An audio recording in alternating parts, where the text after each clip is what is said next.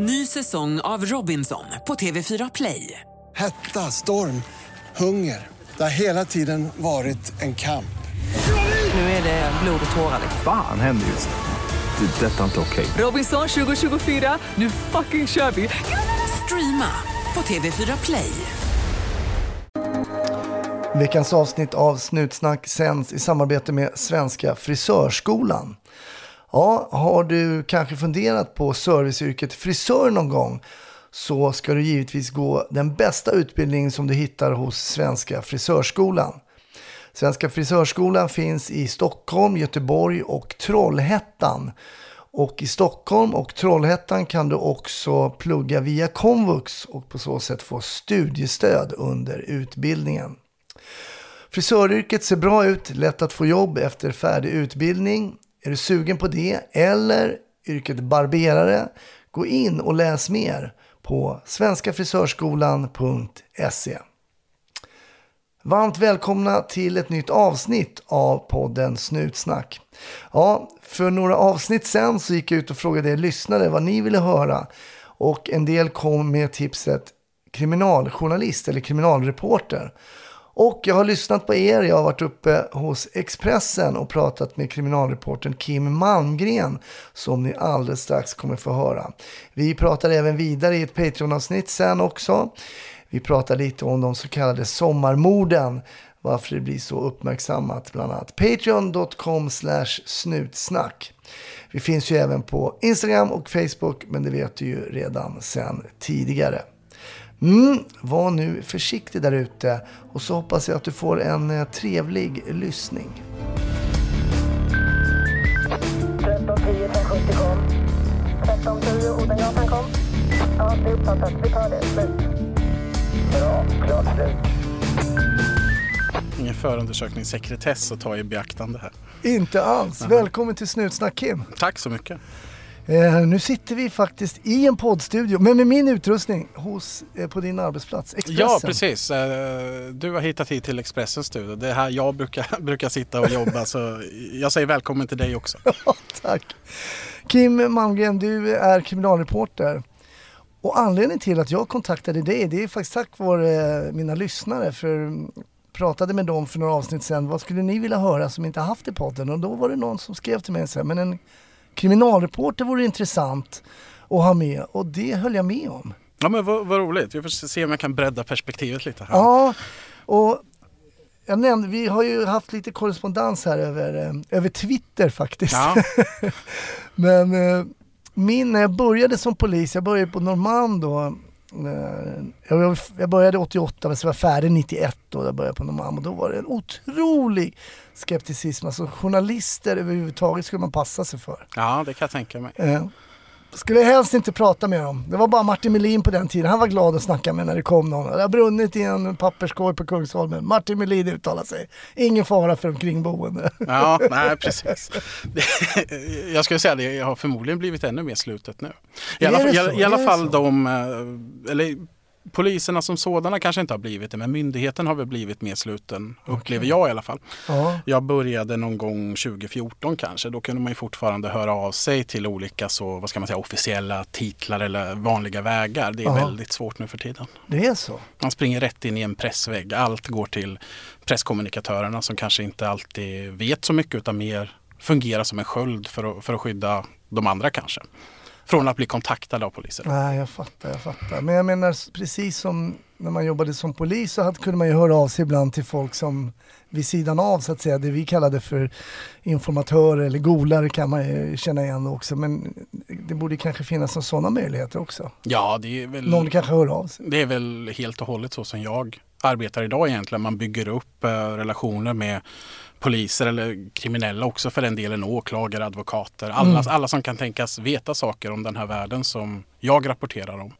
Men det handlar mycket om att, säg att jag hör av mig till en, till en polis som har en, en viss ställning eller sådär och försöker bilda någon sorts relation, berätta vem jag är, vad jag håller på med, visa att eh, du kan lita på mig. Om du säger någonting till mig så blir det som du har sagt i tidningen. Att man får den här lite mer långsiktiga relationen. Folk ska inte behöva vara rädda för att prata med mig utan att ja, men de, de kan lita på att så som man säger till mig så blir det. Det är väl mitt mål. Men om vi, om vi backar då, du sitter ju på Expressen, eh, jobbar som kriminalreporter. Vad är din, om du skulle ge oss din arbetsbeskrivning här på Expressen, vad är du satt att göra som kriminalreporter?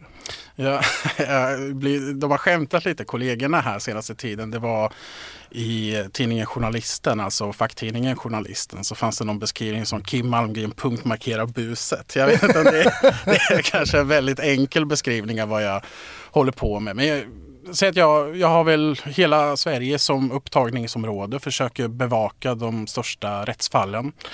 Senaste åren har det blivit väldigt mycket gängkriminalitet i takt med att det har vuxit sig större. Försöker hålla koll på hur den världen ser ut och utvecklar sig. Hur persongalleriet ser ut i de olika gängen och så vidare. Det är väl mest det. Det är, det är mycket folk att hålla reda på om man tänker på gängkriminaliteten och Det är väldigt mycket folk. Stockholmspolisen gick ut med en rapport för något år sedan. 1500 individer i 52 nätverk i Stockholm bara. Ja. Och säg 5000 i landet kanske beroende på hur man räknar. Så det, men säg att man försöker hålla koll på några av de hundra som är värst. Då. Vad ligger i din pipe nu då? Är det någonting du jobbar med nu som har varit aktuellt som vi känner till som kanske har varit inne och läst eh, tidningen? Jag, just nu jobbar jag väldigt mycket med den här våldsvågen som har drabbat Stockholm. Det börjar ju med ett mord den 25 ehm, december på juldagen med en skjutning. Efter det 12 dåd på 11 dagar. Skjutningar, sprängningar. Och från början så frågar ju jag mig precis som alla andra egentligen, vad handlar det här om egentligen? Vad är det, vad är det som händer nu? Hänger allting ihop? Eh, sen sätter man sig och kollar igenom allt, all information man kan få tag på. Man ringer alla sina kontakter som man har och försöker få ett grepp om vad det handlar om. Nu har vi väl fått någorlunda grepp om allting liksom, så nu börjar det lugna ner sig lite. Men hur är det när man sätter de här våldsvågen, när det kommer något ännu större då måste man säga våldstsunamin, blir det så? Ja, jag vet inte vad vi ska använda för kraftuttryck längre. Våldsnivån är så hög nu så det är, Ja, den är det. vi får komma på Samtidigt så måste man ju försöka hålla språket någorlunda professionellt. Alltså det är allvarliga saker det här. Så man kan ju inte bli för kreativ med språket om man säger så. Nej. Utan man får hålla någon sorts värdighet i det. Men, eh, ja, men vi får se vad som kommer efter våldsvåg. Om vi får ett nytt rekord 2023 med antal dödsskjutningar och så vidare. Om vi kommer på något annat kreativt. Har du alltid varit intresserad av eh, kriminalfall till exempel och när du till exempel sökte dig mot journalistlinjen och sådär, har du tänkt att det skulle jag kunna tänka mig att jobba med? Eller hur har, du, hur har det blivit i din journalistiska karriär? Liksom? Ja, men det, jag kom till Expressen 2014, hade varit lite på DN som någon sorts eh, glorifierad praktikant och sommarjobbare innan. Eh, Men det var väl från början egentligen att det var där jag gick igång. Om jag, om jag fick ett sånt där utlägg, jag var ju en allmän reporter som alla andra. Det kunde vara trafikolyckor, det kunde vara väder eller det kunde vara någon ja, men säg katt som har klättrat upp i träd. Eh, Men krimfallen var det som jag fastnade för. Ja. Och som jag hela tiden, jag försökte hitta samband. Jag skulle säga det var ganska ovanligt i journalistiken på den tiden. Även mer ovanligt inom polisen än vad det är nu också kanske. Att man försöker skapa sig en större bild eller karta. Vad är det som egentligen händer här? Hur hänger det här ihop? Eh, en person som blir skjuten ena dagen eh, skjuter någon annan nästa dag. Det måste finnas någonting som, något större som bubblar här. Det intresserade jag mig väldigt mycket för.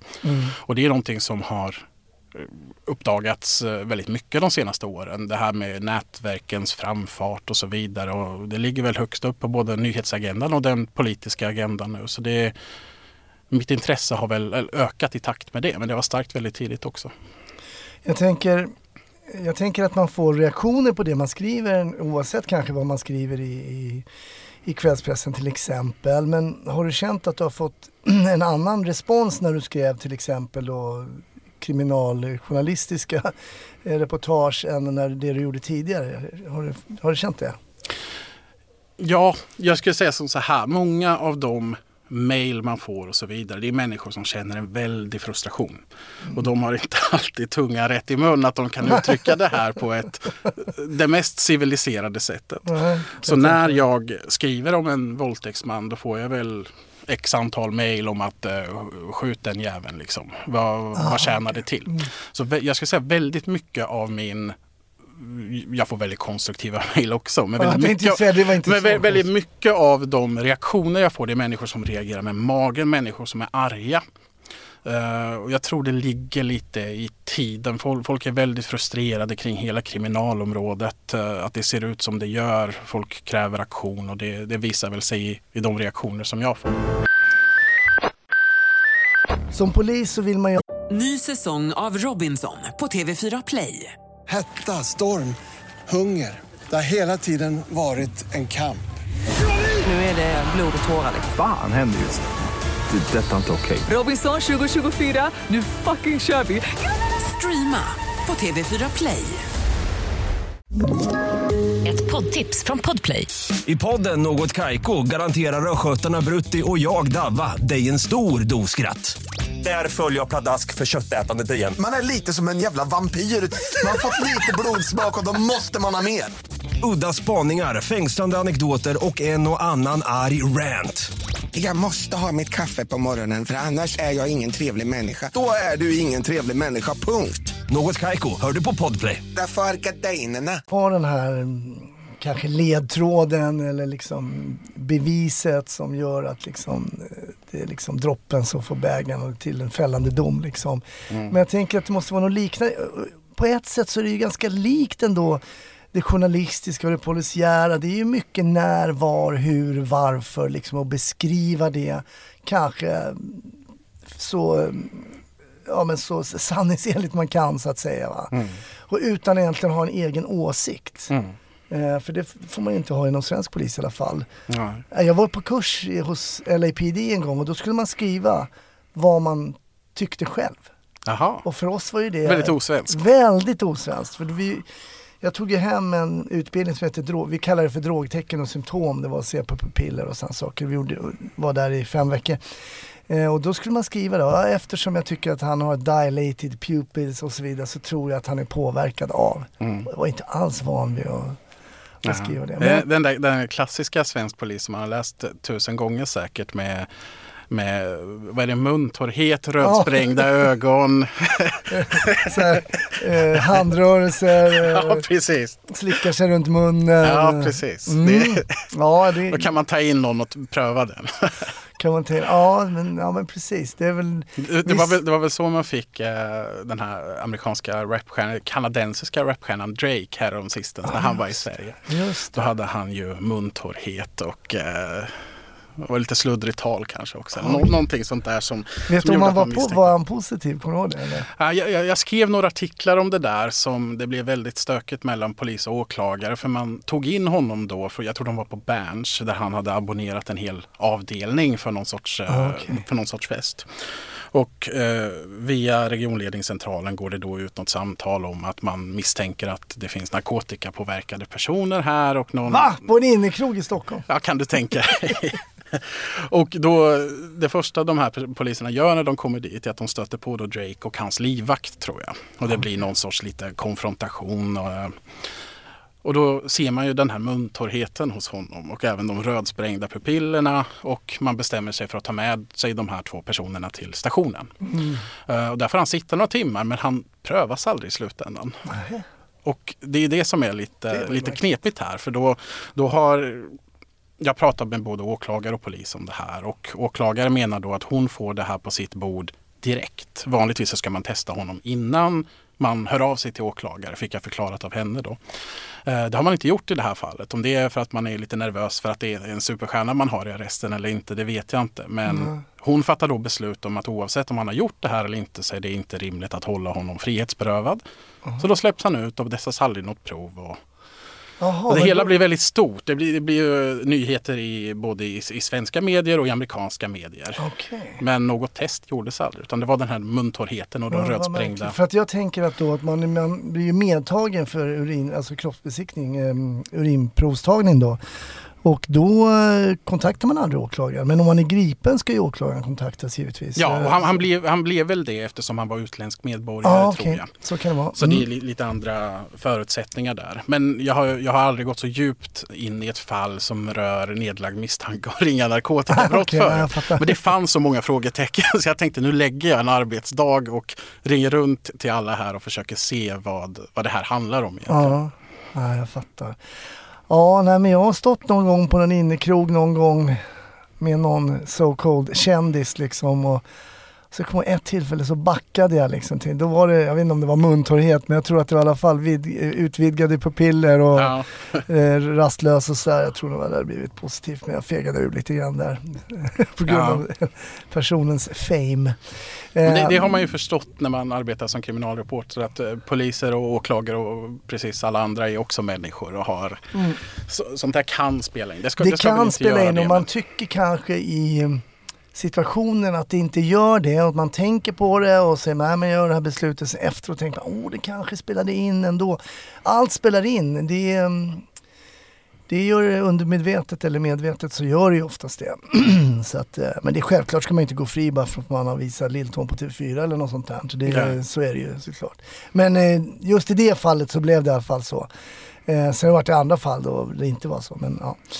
Men jag tänker då det här skopet som jag var ute efter, för det är väl kanske det man vill ha, den här, det här samtalet som kriminalreporter, precis som man hittar det här lilla DNA på yxan eller någonting.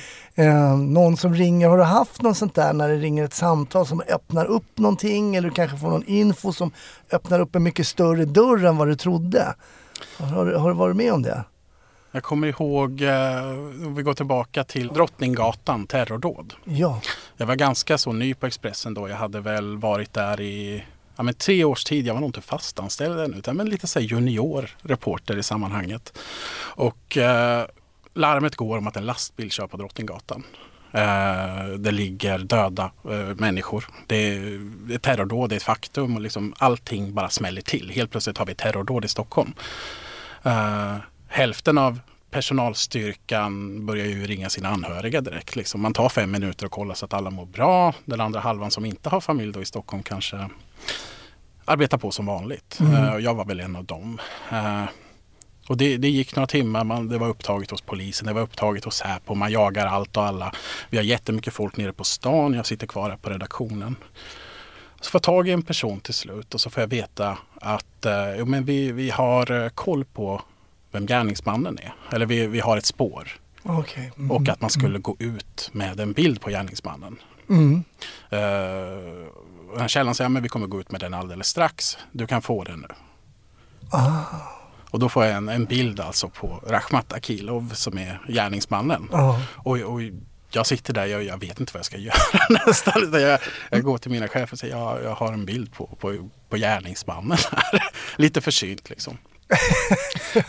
Och, Juniorreporter. Ja, ja. precis. Och de var okej, nu full fokus här. Och så här, vad vet vi om den här? Var, var kommer den ifrån? Alltså man, jag får på något vis eh, liksom styrka upp att det här kommer från ett väldigt trovärdigt håll och så vidare. Och då, jag säger polisen kommer gå ut med den här. Eh, och det som har hänt då som jag förstår det, det är att de, de högsta hönsen inom polisorganisationen ska hålla den här presskonferensen. Det är väl Anders Thornberg, Dan Eliasson. Eh, Var och några Thornberg på Säpo då eller? Ja, jag tror att Thornberg Mm. var på Säpo fortfarande och Dan Eliasson var väl rikspolischef om jag inte minns fel. Ja. Men de är på väg till den här presskonferensen men har på något vis fastnat i trafiken eller något sånt där för det blir trafikkaos. Okej. Så då får vi ett tag när vi är ensamma om att ha den här bilden. Och jag vet ju att det här är Alltså det är, det här, den här informationen stämmer, allting är som det ska. Eh, men tänk om det inte är det. Då börjar de här spökena i huvudet liksom. ja, det kan jag tänka mig. Ja. Då, då vet jag ju liksom att men då får jag sparken då. Är min karriär slut? Jag, jag, de här spökena liksom börjar, de börjar surra och sen så går bilden ut. Sen nu kan Expressen visa bild på gärningsmannen. Eh, men så och då, då sitter jag i kritvit i en halvtimme säkert. För då är det inte bara terrordåd i Stockholm utan då har jag också det satt halva min, min karriär på spel här. Att det, är- jag vet att det är rätt men ändå, det är en väldigt hög anspänning. Eh, och sen så går det ett Men tag. hur säker var din källa då skulle du vilja säga? Alltså initialt så känner du säkert att men det här är ju verkligen, men eftersom du är kritvit i ansiktet finns det ändå någon procent som säger att det kan vara kan. Jo, men jag, jag, jag vet att det är säkert. Det, och den här bilden hade ju då alltså spridits brett inom, inom polisen. Men den hade inte nått ut till medierna utan då Ah, hade jag okej. flytt och liksom eh, Ah, fick okej. tag i en person som kunde bistå med den. Mm, jag fattar. Eh, och den skulle ju släppas liksom några minuter senare var planen. Men så fastnade de i trafiken och så blev det lite längre. Eh, och då är jag ju skitnervös. Vi säger en halvtimme eller något sånt där.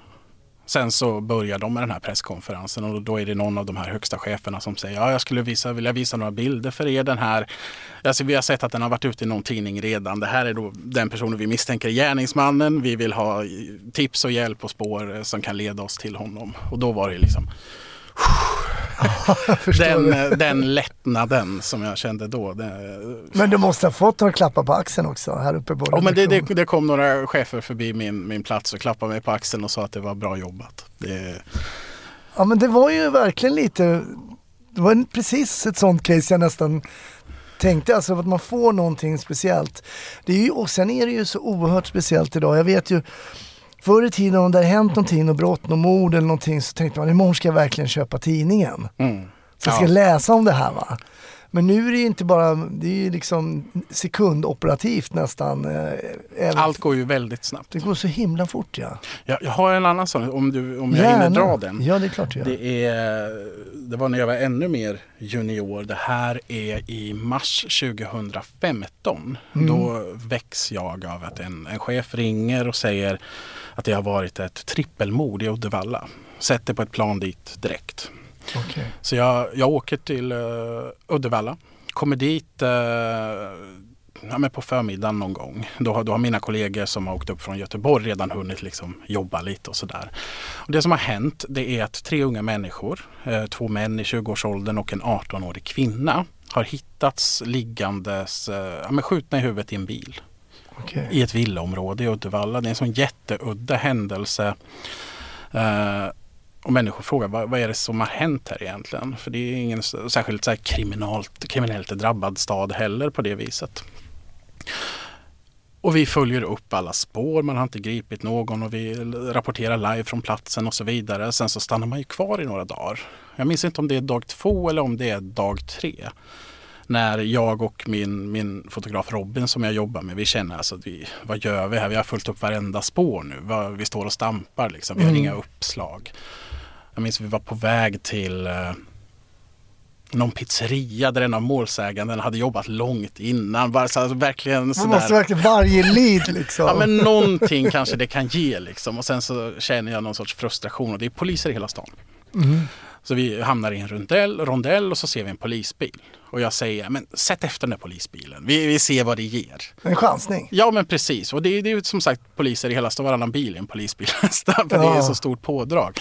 Men vi följer efter den där in i ett område som heter Dalaberg i Uddevalla. Och då börjar den här polisbilen köra in bland lägenhetshusen. Och där känner vi väl att här kan vi nog inte riktigt Hänga hänga, efter. Så vi, vi, vi parkerar och sen så traskar vi in i det här området och försöker hitta den här polisbilen. Och vi går i säkert 20 minuter funderar på men vart tog de vägen egentligen? Och jag frågar några ungar som springer förbi. Så, har ni sett polisen? Och de bara, ja, men de är där nere några stycken. Så går vi ner dit och så ser jag på hörnet av ett lägenhetshus så står det en, en polis. Och jag går fram och frågar henne lite som man gör. Så, ja, vad, hur, hur var det här då? Vad gör ni? Vad händer? Och jag kan se att hon är så uppe i varv. Okej. Hon, hon, är, hon är igång verkligen. Och så här, jag hinner inte prata. Tyst bara. Alltså, jag hinner inte prata. Jag bara okej. Otrevligt. och så knallar jag vidare längs huset och jag ser på, på andra hörnet av det här lägenhetshuset, vad det är 50 eller 100 meter bort, står det en polis till. Okej. Och vid nästa lägenhetshus står det en polis till. Så jag och fotografen, vi, vi går åt varsitt håll runt det här huset. Så kommer jag fram till en, en undergång. Så jag står över och så ser jag tre personer komma gående där nere. Då är det en man och två kvinnor. Så går det fram då en civilpolis till den här mannen. Och så säger han, ursäkta, kan du vänta lite? Mannen frågar, varför då? Och polisen säger, för jag vill prata med dig. Och då sätter mannen iväg. Och han kutar upp för en trappa så han springer liksom förbi mig. Det är tre meter mellan oss eller något sånt där. Och så springer han åt det hållet som jag har kommit ifrån. Han hinner kanske 20-30 meter, sen kommer det poliser med dragna vapen överallt ifrån. Det, och de, de skriker stanna och när han ser alla pistoler så liksom han, han faller ju ner på marken och upp med händerna. Och jag tror jag räknar till sex poliser som liksom bara hoppar på honom och liksom håller ner honom. Och vissa av dem med dragna vapen då. Där står jag, filmar med min mobilkamera 20 meter bort. Fotografen som har gått åt ett annat håll filmar från en annan vinkel på samma avstånd. Och det vi får veta då i efterhand, är, då har de gripit den här misstänkte trippelmördaren. Ah. Och han döms senare för det här också. Så det är väldigt sån, helt plötsligt så smäller det bara till. Från noll så bevittnar man gripanden, gripandet av en trippelmördare. Och det är verkligen sådär 0 till 100. Och det, det var ju också någonting som var, ja, men det var intressant erfarenhet att vara med om. Ja, jag förstår Pre- precis därefter så så jag fastnar i den här tvåfastrappan om man säger så, så fastnar jag på mittenplanet. Ser att det kommer två bussar med, med insatsstyrkan. Och det, ja, jaha, tänker jag, där, där kommer de. Och sen så de går närmare och närmare. De ska upp för den här trappan där jag står på det här lilla planet. Så vi får liksom samsas om den här lilla ytan. Och det är ju inga små killar det där. Och de kommer liksom med, med kofot på ryggen och det är en gläfsande hund liksom. Och där så jag känner mig väldigt liten i det ögonblicket. Men det var, visade sig sen att det var också trippelmördaren, eller? Det var trippelmördaren. Det var, det var två bröder som dömdes för att ha gjort det där då gemensamt och i samförstånd. Men det är ju lite så med eh, polisarbete också som med ditt arbe- arbete här att man ibland så krävs det en liten chansning och en liten manöver som är lite utanför boxen. Liksom att man, som du sa, det var många polisbilar i Uddevalla den dagen och nu så fick det ändå häng på helt rätt. Ja, precis. Och det, det är ju ren och skär flyt. Eller möjligen då att man, om man bara fortsätter hänga i och pröva saker som inte borde leda till någonting. Just så leder det. det förr eller senare till någonting.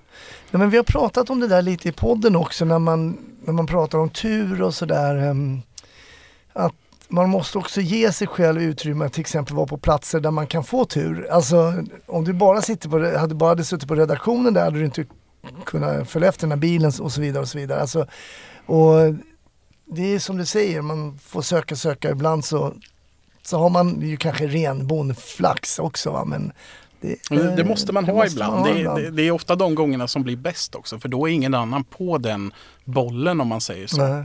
Så i det här fallet med, med trippelmordet, där kunde vi ju, där ställde, det ösregnade verkligen. Eh, där ställde jag mig och, och live-rapporterade från det här huset då. Det.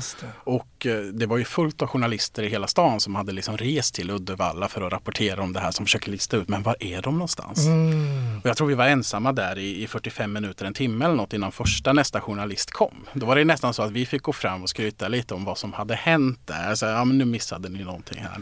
Ni får kolla livesändningen om ni vill veta vad som hände. Men hur viktigt är det där då? För det har väl inte gått någon förbi att det finns eh, att det är eh, lite fight om läsare kring kvälls, eh, kvällstidningsläsarna så att säga.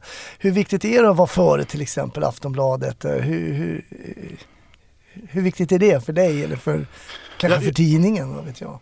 Som, som jag har fått det beskrivet för mig så tror jag att det har varit väldigt mycket mer hetsk stämning mellan kvällstidningarna historiskt. Att det är lite mindre så idag men det finns ju en stor så här, prestige skulle jag säga i att man som på Expressen då har en bättre publicering än Aftonbladet eller än att vi är före och så vidare. Det är någonting man, jag skulle säga att det är en positiv rivalitet som man använder för att sporra sig själv. Mm. För att orka ringa det där extra samtalet eller så, kolla den där sista ledtråden som man inte tror kommer leda till någonting.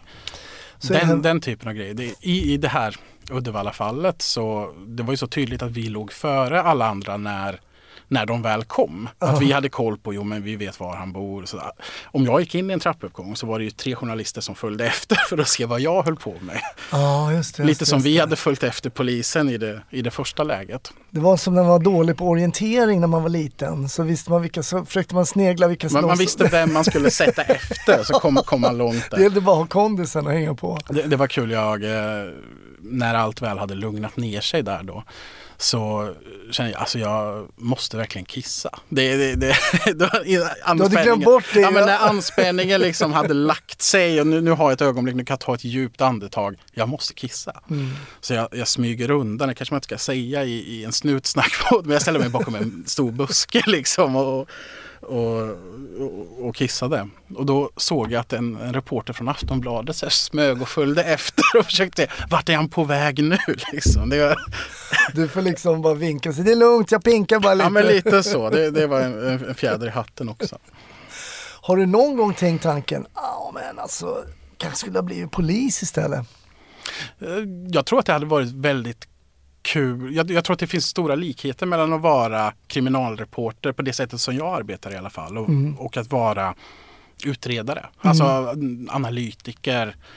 Eh, Det upplever jag i alla fall när jag pratar med människor som säger kanske jobbar riktat mot gängen till exempel. Vi, vi, vi pratar ofta om samma saker, vi har ofta samma beröringspunkter och referenser och sådär. Sen har ju de naturligtvis otroligt mycket bättre underrättelsematerial och en större apparat liksom, som, som hjälper dem.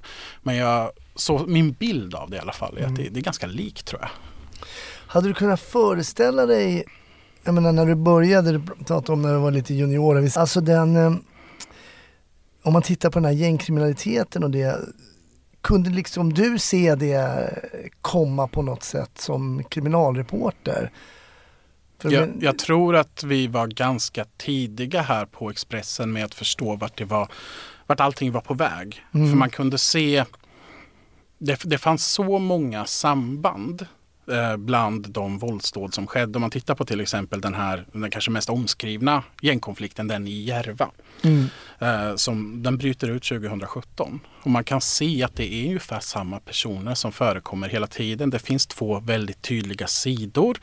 När man pratar med de poliser som kan det här bäst så märker man att det har blivit ett sånt eh, en sån stämning bland ungdomar i den här åldern i Järva att de känner att de måste välja sida mer eller mindre. Ja, just just. Och sen så kunde man se att samma problem fanns ju i andra förorter med den här typen av nätverksbildning. Att det finns en grupp unga män som begår brott tillsammans som är livsstilskriminella. Och att allting började bli mer och mer centraliserat. Man såg liksom kontakter mellan de olika nätverken. Eh, mer professionaliserat skulle jag säga. Eh, narkotikahandeln blev mer storskalig och man hade liksom mer kontakter med varandra. Det kändes som att allting var på väg åt det hållet.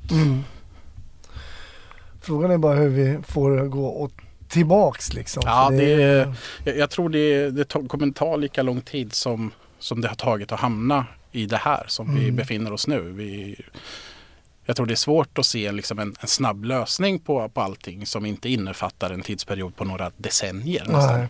Sen är det klart att om, om polisen kan få upp sin uppklarningsprocent så att man inte löser var, vart femte mord utan kanske fyra av fem mord i den här miljön då, då hade det fått jättestor påverkan. tror jag också.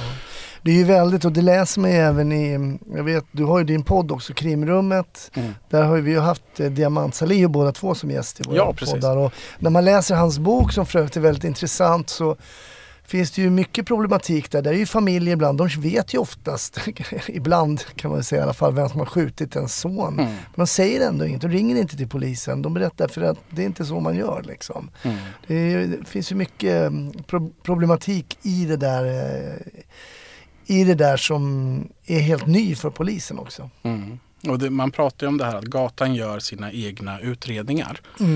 Och min bild är att de kriminella oftast har väldigt bra koll på vilka som är i konflikt med varandra. När en skjutning sker så vet man vem som har skjutit och varför den personen har blivit skjuten. Inte nödvändigtvis vem som har gjort det, för då har man hittat en 17-årig kille som bor eh, på andra sidan stan som egentligen inte har någonting med saken att göra. Men att det finns en stor kunskap i den kriminella miljön om varför folk skjuter varandra, liksom ner på individnivå. Och det, det tror jag är jättefarligt. Det är ett våldsrecept när den kunskapen finns och polisen inte lyckas lösa de här utredningarna. För till, till slut så blir det någon vilda västern situation där du har hämndspiraler överallt. Och det, det leder till nya våldsdåd. Och det är också när man läser kring vad det är för typ av hämnd man hämnas så är det, blir man ju, man baxnar ju liksom. Det handlar ju inte om att ah, han har snott miljoner från mig och min utan det kan ju vara en flickvän eller någon som har, ja, alltså Ja, det, det, det, kan handla om precis vad som helst. I, I vissa fall så handlar det nog om miljoner men i andra så är det otroligt banala saker Ja, som, som påbörjar allting. vad skulle du säga är det Ny säsong av Robinson på TV4 Play. Hetta, storm, hunger. Det har hela tiden varit en kamp. Nu är det blod och tårar. liksom. Fan händer just det. Det är detta inte okej. Robinson 2024, nu fucking kör vi! Streama på TV4 Play. Ett poddtips från Podplay. I fallen jag aldrig glömmer djupdyker Hasse Aro i arbetet bakom några av Sveriges mest uppseendeväckande brottsutredningar. Går vi in med hemlig telefonavlyssning och, och då upplever vi att vi får en total förändring av hans beteende. Vad är det som händer nu? Vem är det som läcker? Och så säger han att jag är kriminell, jag har varit kriminell i hela mitt liv men att mörda ett barn, där går min gräns. Nya säsongen av Fallen jag aldrig glömmer på Podplay. läste du om med att jobba som just kriminalreporter? Vad, vad är det som triggar dig? Jag tror det roligaste det är att man får vara väldigt nära situationerna skulle jag säga. Man, det kände jag innan jag var journalist att när jag läser en artikel så vill man hela tiden veta mer. Mm. Nu är jag ju snarare i den positionen att jag, jag pratar med dem som vet mest. Jag pratar med dem som har varit med om sakerna direkt. Och att man får, man får en väldig närhet till det som man jobbar med, även om det är via andra personer ofta. Mm. Ja, men den här kunskapstörsten har den alltid funnits Ja, men jag, är, jag är nog en, en vetgirig jävel av naturen tror jag. Det är, eh, alltid varit en som ska, ska kunna alla huvudstäder, alla flaggor. Alltså sån här Ah, okej. onödig kunskap som, eh, som egentligen kan man för mycket sånt så är det nog bara så att människor stör sig på en i slutändan. Jag har alltid varit en sån här vetgirig person. Det, det kanske går i linje med det yrkesval man har valt. Ja, det kanske. Du berättade ju om den här, om bilden du la upp och du berättade att du var på ehm, rätt, vid rätt plats vid rätt tillfälle. Så. Men har det varit någon gång när det har varit lite tvärtom, när du har varit lite offside? Det måste ju ändå hända, det händer ju som polis. Eller har det varit någon gång när typ någon annan tidning bara, men det där borde jag ha kunnat också, eller något sånt där. Jag, jag tror att det här med, än så länge, peppar peppar, så tror jag att jag har varit relativt befriad från Alltså när saker har gått helt åt helsike. Ja. Alltså när jag har varit helt fel ute. Sen har det varit situationer när jag har ifrågasatt mig själv med vad innebär det om jag publicerar detta? Just det. Mm. vilka otrolig, otroliga negativa konsekvenser det kommer få för en enskild person. Mm. Och då kan man fortfarande, fortfarande landa i att det här är relevant att berätta, det är viktigt att det här kommer ut. Men det är ändå inte kul att vara böden, den som ska dela ut det. Skulle du kunna exemplifiera det eh, med, med något case, liksom att när, där du sitter med det här och nu så trycker på sänd så vet du att det kommer ha eh, det kommer ha stor impact på den personen som till exempel omnämns i men jag, jag har några sådana fall, men jag, jag tror inte jag kan gå djupare in på dem för de, Nej. det är så pass känsligt. Och Men vad redan tar, vi, tar ett, vi tar det rent eh, teoretiskt ett exempel då. Vi kan, om vi hittar ett sånt där du kan få sådana funderingar. Om du rent teoretiskt bara berättar liksom att om vi har en, till exempel en person som är misstänkt för det. Och när är det man tvivlar som reporter att lägga ut det och vem är det som har sista ordet? Är det din redaktör som tittar sig, "Nej, men vet du jag tycker det är bra men vi kan inte, vi kan inte släppa det här. Är det så också eller är det du själv som bestämmer det? Det är tack och lov den ansvarige utgivaren som liksom i slutändan bestämmer Mm. vad som ska gå ut, vad som inte ska gå ut. Det är också han som är juridiskt ansvarig för det som... Det. Så teoretiskt sett så kan ju en, en ansvarig utgivare åka i fängelse för någonting som jag skriver. Ja. Det är, det är så som ansvarssystemet ser ut. Det är för att man ska ha någon sorts eh, ordentlig ansvarsutkrävning, att det inte blir vilda västern i, i medielandskapet. Eh, de gångerna som det har varit som mest känsligt, då har det nog snarare varit så att mina chefer säger till mig att du är reporter. Du tar fram materialet och det gör du jävligt bra. Nu har vi det här materialet att ta ställning till, hur Mm. det ska presenteras, vad som ska publiceras eller inte. Yes. Nu är inte det här ditt beslut längre. Ja, okej. Så att man på något vis frånsäger mig möjlig liksom skuld eller... eh. För då har jag tagit eh, mitt material och lagt det på deras bord. Och då är det de som fattar besluten utifrån det. Och så, så ser det ju egentligen ut i, i varenda publicering. Jag är inte publicistiskt ansvarig. Nej. Sen är det väldigt viktigt för mig att det som jag har mitt namn på, det ska stämma och det ska vara rätt och relevant och riktigt och så vidare. Men jag är inte juridiskt ansvarig för det. För det man kan se ibland, det är ju så här det dyker upp i sociala medier. "Ja, varför blurras den här personen blurras och den här blurras inte? Eh, jag menar, finns det några fasta blurregler till exempel? Eller är det också ansvarig utgivaren som säger att där får vi ta bort facet på den? Det är också ansvarig utgivare som bestämmer det. Sen så, det där är någonting som är väldigt luddigt. Jag tror det är svårt för människor att förstå om man inte själv är inne i systemet när man, man blurrar någon eller när man inte gör det. Till och med att det finns en skillnad mellan blurrning och pixling. Aha, att du pixlar en gärningsman, du blurrar ett anonymt offer till exempel. Så Aha. till och med där är det, tror jag att många som inte är inne i den här världen liksom känner För till. blurra, olika- då är man, om man säger blurra då så att vi inte missförstår, då är man helt borta. Så att då ser man ingenting. Nej men då, jag tror att det är egentligen bara två olika effekter i Photoshop. Aha. Jag, jag vet inte. Men det, Ah. det är någonting som jag har fått lära mig under åren att vi, vi blurrar offer och vi pixlar gärningsmän. då, så att. Ah, okej, okej. Eh, För att på något vis särskilja. Sen vet jag inte Mm. alls om det når fram till publiken. För jag kan tycka själv att det till och med är lite så. Vad spelar det för roll Nej men det har ju jag kan i alla fall aldrig jag tänkt på att det är olika typer av Photoshop-effekter Nej, nej. misstänkta det, offer. jag, jag gissar att de flesta kanske inte har grepp om det heller. Nej. Eh, Men vem pixlas och vem pixlas inte? I slutändan så är det upp till den ansvariga utgivaren och där har ju olika medier väldigt olika inriktning. Om du tittar på till exempel SVT och SR Mm. så det är väldigt, väldigt, väldigt sällan att de skriver ut en brottsling med namn och bild. Ja, det är nog det. bara i de fallen som har absolut högst allmänvärde bedömer de. Mm.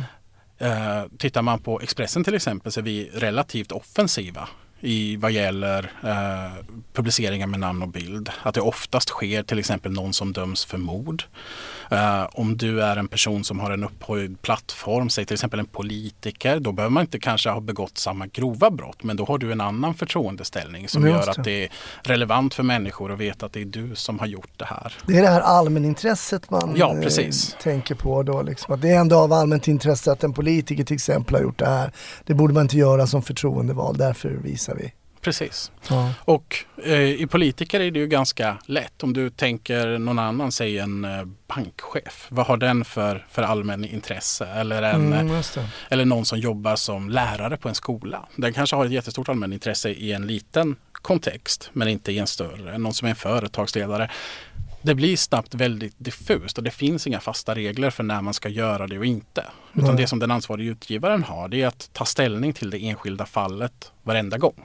Mm. Så det är inte så att jag sitter på redaktionen och vet att ah, men nu fälldes den här personen för mord, nu kan vi kasta ut den med namn och bild. Utan det är alltid en, en diskussion man har med, eh, med den som i slutändan bestämmer som är ansvarig utgivare. Mm, jag fattar. Vad ser du i framtiden då? Vad vill du ha för, vad vill du ha för case på bordet som bara, det här vill jag sätta liksom verkligen tänderna i och verkligen ringa runt till alla.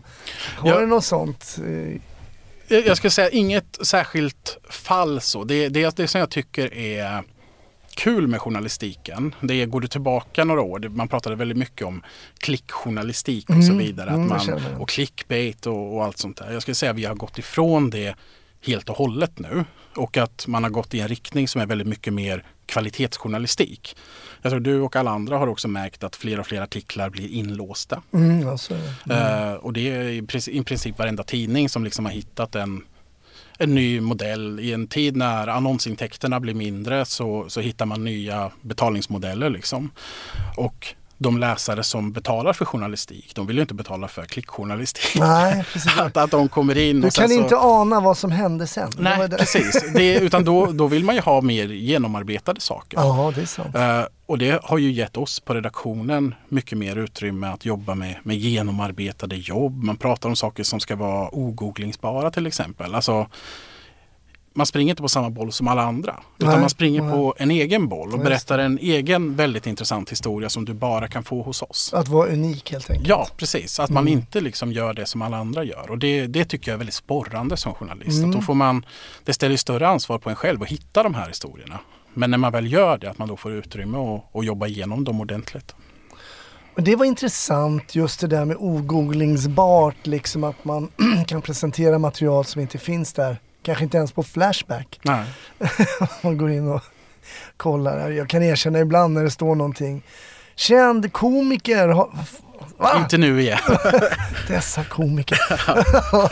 nej, men, eh, nej men det är intressant och helt korrekt så förstår jag ju det att om be- betalar man för journalistik så vill man ju inte ha du anar inte vad som hände sen, för oftast anade man ju faktiskt vad som skulle hända sen. Ja, Det var- precis. Det, det, det fanns en era då som inte är den, den stoltaste i, journalistikens historia. Så ser väl jag på det. Nej men det är klart man famlade väl lite där också i, i den här nya tekniktiden också när tidningarna inte såldes eh, hos handlaren på det sättet som alla läser den ju i sin iPad i telefon idag. Så det är Mm. klart att det, man måste få in intäkter och betala sina reportrar. Ja, precis. För vi, jag skulle säga att vi gör mycket viktig journalistik. Eh, alltså titta på det som hände nu till exempel strax innan jul här. Mm. Eh, var en kollega till mig, Mikael Syrén, som hade lång rapportering om turerna i polisledningen. Ja, det.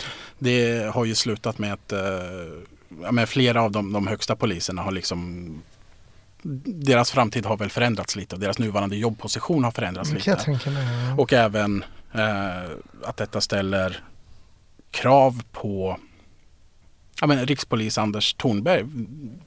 Han fick tillsätta en extern utredning. Den kommer om några månader. Får vi se, har det funnits eh, nepotism och eh, svågerpolitik i toppen av polisen eh, som det har rapporterats uppgifter om. Vi, Mm. vi, vi får väl se, men den typen av, av journalistik är viktig och, och den kostar ju att göra. Ja. Nej men sånt där är ju bra. Det, ska ju, det är klart att det ska granskas. Och polisen och polisledningen, absolut, eh, ska ju granskas. Eh, om du hade en podd som hette Snutsnack och, och, och pratade med poliser, vad, är det någonting, vad skulle du tipsa mig om och vad skulle du vilja lyssna på? Jag hade nog velat lyssna på en, eh, en utredare som berättar om hur man har löst ett, eh, ett krångligt fall. Mm. Det, det är någonting som, som jag som journalist gillar väldigt mycket när man hittar de här utanför boxen lösningarna på ett fall där allting verkar vara kört och helt plötsligt så hittar man det där som, som Mm. vänder allt. Mm. Eh, Jättebra. jag har inget exempel. Nej men det, det- det, det ja, jag, jag gillar det. Jag brukar alltid fråga mina poliser i slutet av podden om de kollar på polisfilmer. Mm. Men vad kollar en kriminalreporter på när han eh, har liksom släckt ner arbetslampan och gått lämnat till redaktionen då? Kollar du på några serier eller vad gör du? Eh, jag gillar väl jag kanske är som dina, dina polisgäster där. Jag gillar väl så här gamla, gamla snutrullar. I lagens namn. ja, men även, även, även journalistfilmer. Det, det finns några, några riktiga guldfilmer inom, inom det skrået också. Vad rekommenderar du då?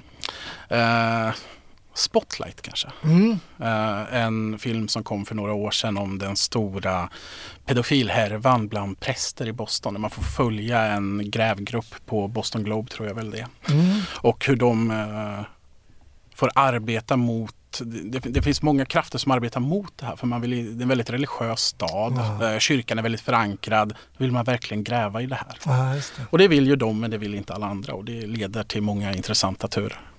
Tack. Spotlight, en eh, journalistfilm. Det behöver vi. Vi behöver in lite nya inputs här i podden. Ja, precis. Kim, stort tack. Vi ska prata vidare lite i ett eh, Patreon-avsnitt, men eh, stort tack för att jag fick komma upp här till eh, ditt jobb på Expressen. Ja, men tack för att jag fick vara med.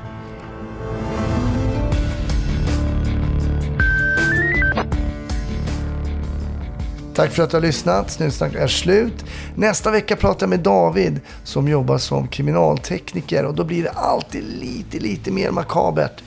Eh, och vad som händer där, det, ja, det får du helt enkelt reda på om du lyssnar nästa vecka. Så jag hoppas vi hörs då. Ha det fint till dess. Hej!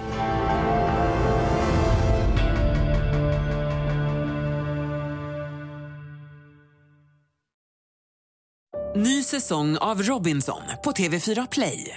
Hetta, storm, hunger. Det har hela tiden varit en kamp. Nu är det blod och tårar. Fan händer just nu. Det. är Detta är inte okej. Robinson 2024, nu fucking kör vi! Streama på TV4 Play.